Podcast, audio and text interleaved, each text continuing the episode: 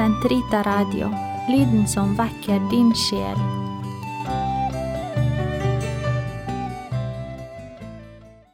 Den katolske kirkes katekisme, uke 44, fredag 2373-2379. Barn er en gave. Den hellige skrift og kirkens tradisjonelle praksis ser store familier som et tegn på Guds velsignelse og foreldrenes storsinn. Ektepar som oppdager at de er ufruktbare, rammes av stor lidelse. Herre min Gud, hva vil du gi meg, jeg går jo barnløs bort. Genesis 15,2. La meg få barn, ellers dør jeg, roper Rakel til Jakob sin mann. Gensis 31.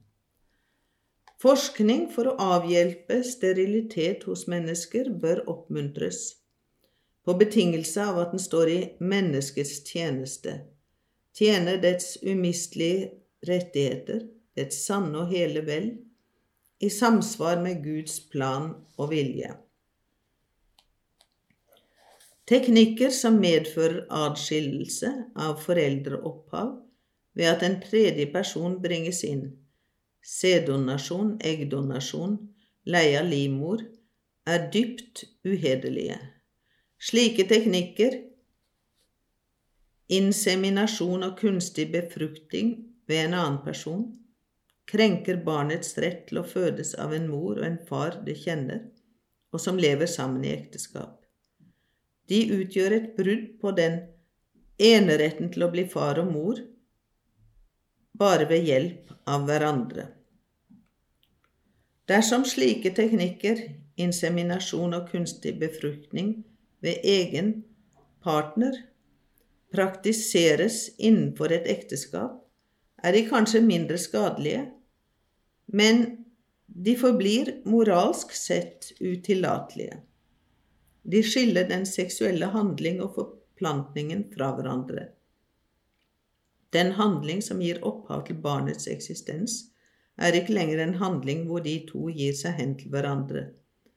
Den legger fosterets liv og identitet i legers og biologers hender og lar teknikken overta styringen med menneskets opphav og bestemmelse.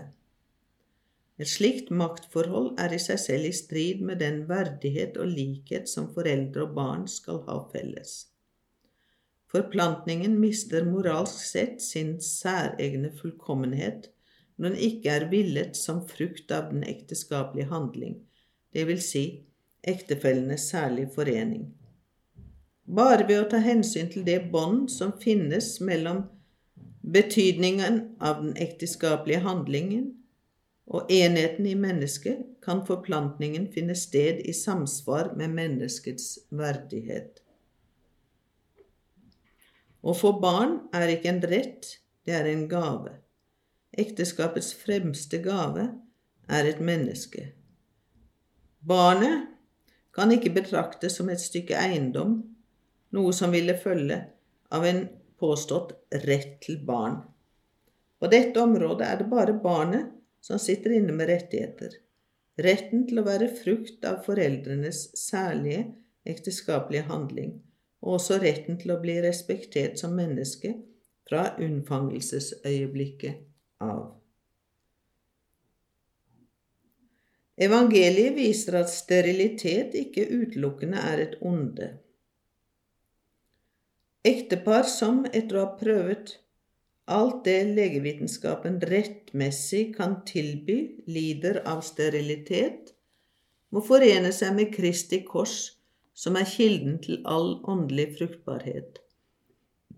De kan vise storsinn ved å adoptere barn som er blitt forlatt, eller ved å utføre krevende former for tjeneste overfor andre mennesker.